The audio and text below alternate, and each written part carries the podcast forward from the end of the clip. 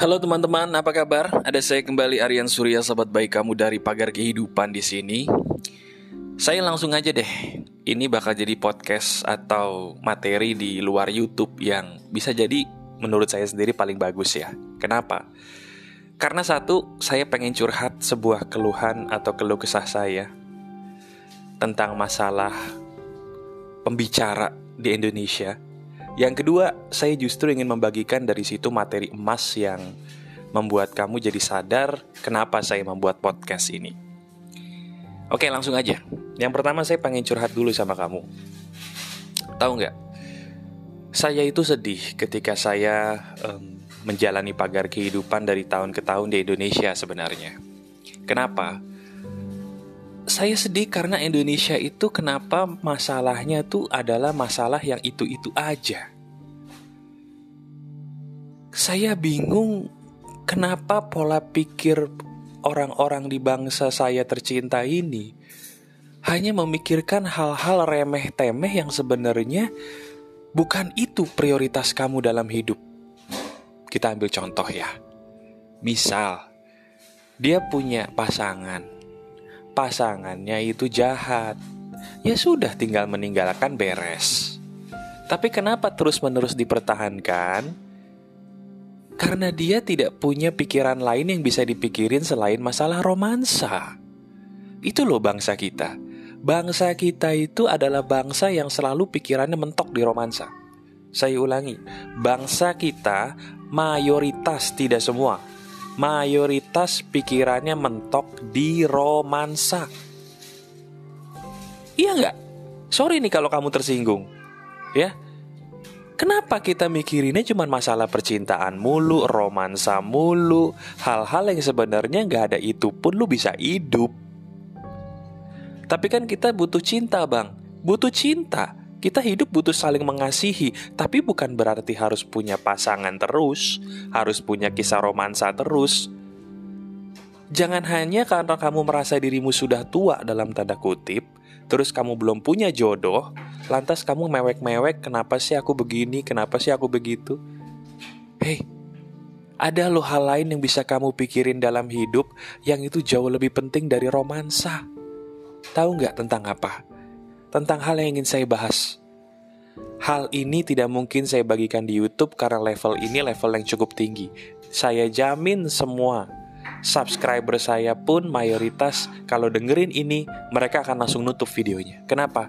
Karena tidak membuat mereka nyaman, bukan karena ini sensitif, bukan karena topik ini termasuk topik yang levelnya cukup tinggi.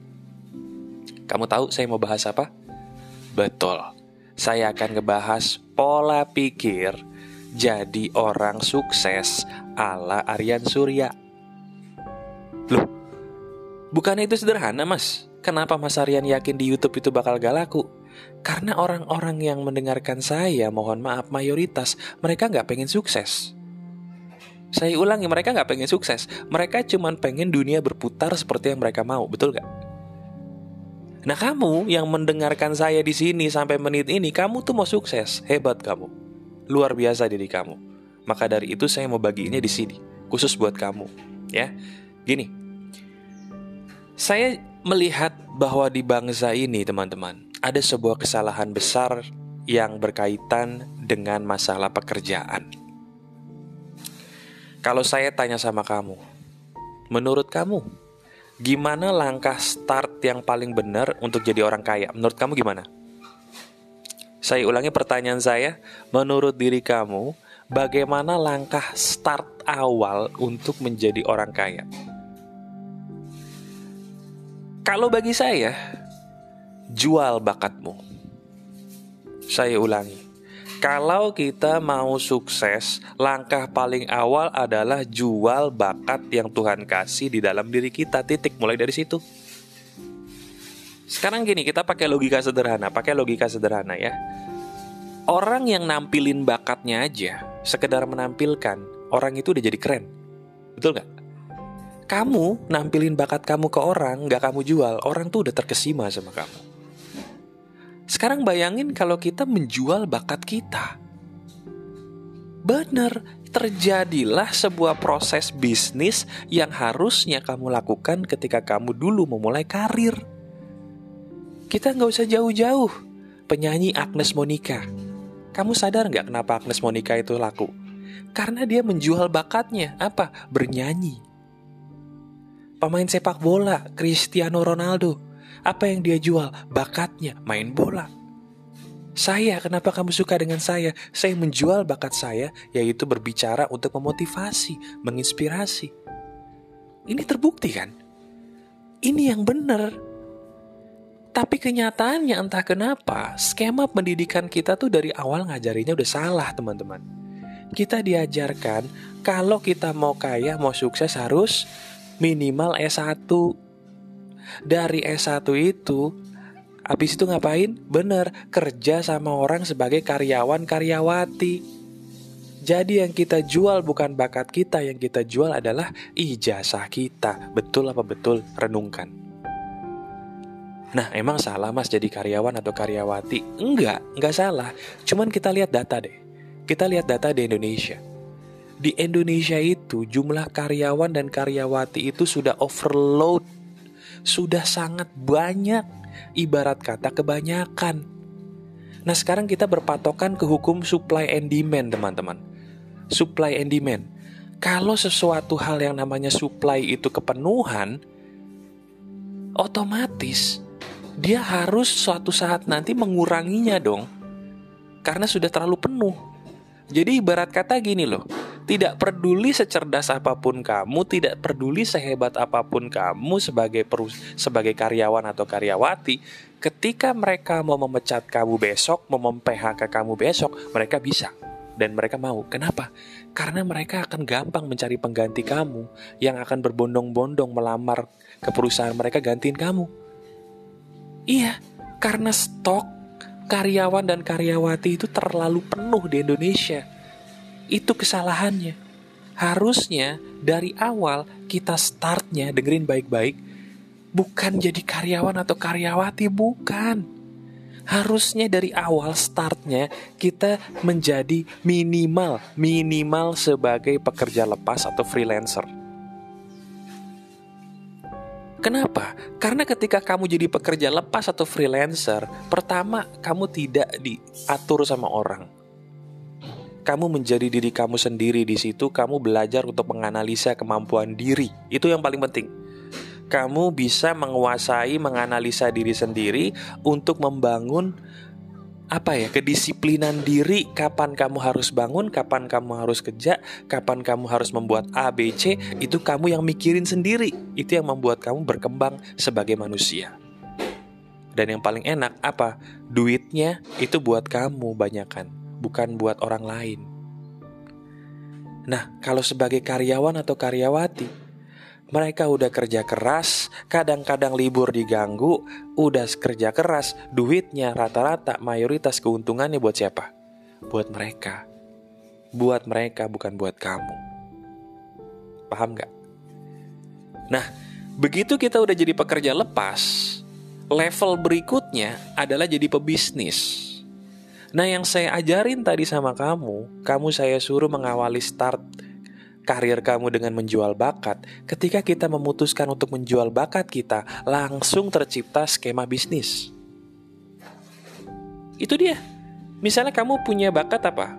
Melukis misalnya, melukis, melukis membuat sebuah gambar.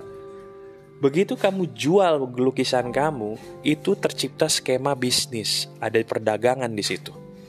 Nah, sekarang saya mau tanya, Orang kalau mau kaya harus ngapain? Betul, berdagang, berdagang, berdagang. Perdagangan itu mewakili 99 pintu rejeki. Setuju nggak? Nah berarti ketika kamu menjual bakat kamu, contohnya tadi menjual lukisan kamu karena kamu bakatnya melukis contohnya, kamu menjual yang namanya bakat kamu melalui skema perdagangan dan itulah langkah yang paling benar. Paham nggak? Nah, ketika kamu menjumpai atau melakukan perbisnisan, perdagangan tadi, teman-teman, kamu harus mulai belajar yang namanya bisnis. Bisnis ini sayangnya orang Indonesia nggak suka mempelajarinya. Kenapa? Karena bukan cuma sekedar jual bakat doang loh yang bagus. Jual bakat oke, okay, tapi kalau kamu buta soal bisnis sama juga bohong. Bisnis itu ada caranya. Pertama, kita ambil contoh pagar kehidupan. Saya di pagar kehidupan ada batasan dalam ngasih level materi. Saya nggak bisa ngasih level materi setinggi ini. Kenapa? Karena mayoritas market saya nggak nyampe. Itu fakta harus tahu bisnisnya kan nggak boleh ngasih materi selevel yang setinggi ini kenapa karena mayoritas nggak nyampe kasihan ya udah nggak usah dikasih yang seperti ini saya kasih di luar YouTube ya kan? Contoh lagi. Kita harus tahu kapan video pagar kehidupan itu idealnya di upload. Di jam berapa? Di hari apa?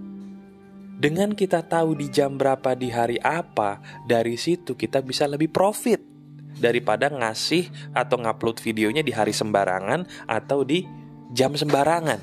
Itu bisa, bisa dianalisa, bisa, itulah bisnis.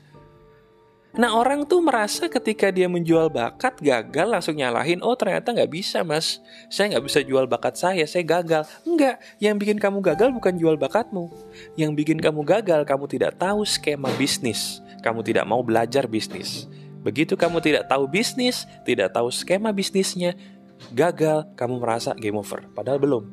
Padahal bukan game over, itu belajar. Nah, inilah yang saya ingin sampaikan sama kamu. Diri kamu yang bisa mendengarkan sampai menit ini, kamu adalah orang yang berhak sukses di masa depan. Kenapa? Karena orang yang sukses di masa depan itu, ciri khasnya dia mau mendengarkan orang lain walaupun perkataannya belum tentu sesuai dengan pandangan dia. Nah, kamu nih yang mendengarkan saya sampai menit ini, saya yakin banget sedikit lagi kamu jadi orang yang sukses, jadi orang yang bahagia, dan jadi orang yang berkelimpahan dengan harta yang halal di mata Tuhan. Amin. Ya, jadi sekarang lihat ke dalam diri kamu deh. Setiap orang itu punya bakat. Saya ulangi, setiap orang itu pasti punya bakat. Artinya, gak ada orang yang tercipta tanpa bakat. Temukan bakat kamu, caranya kamu pergi ke YouTube, ketikan pagar kehidupan keunikan diri. Di situ video yang paling atas kamu tonton dari saya. Kamu temukan keunikan diri kamu, itulah bakat kamu. Jual bakat kamu. Saya ulangi, karir kamu ganti menjadi jual bakat kamu. Begitu kamu menjual bakat kamu, ingat pelajari skema bisnisnya. Analisa data-data penjualan bakat kamu. Kamu harus menjual, menganalisa apa yang disebut bisnisnya. Kamu misalnya menjual keahlian kamu dalam memasak makanan.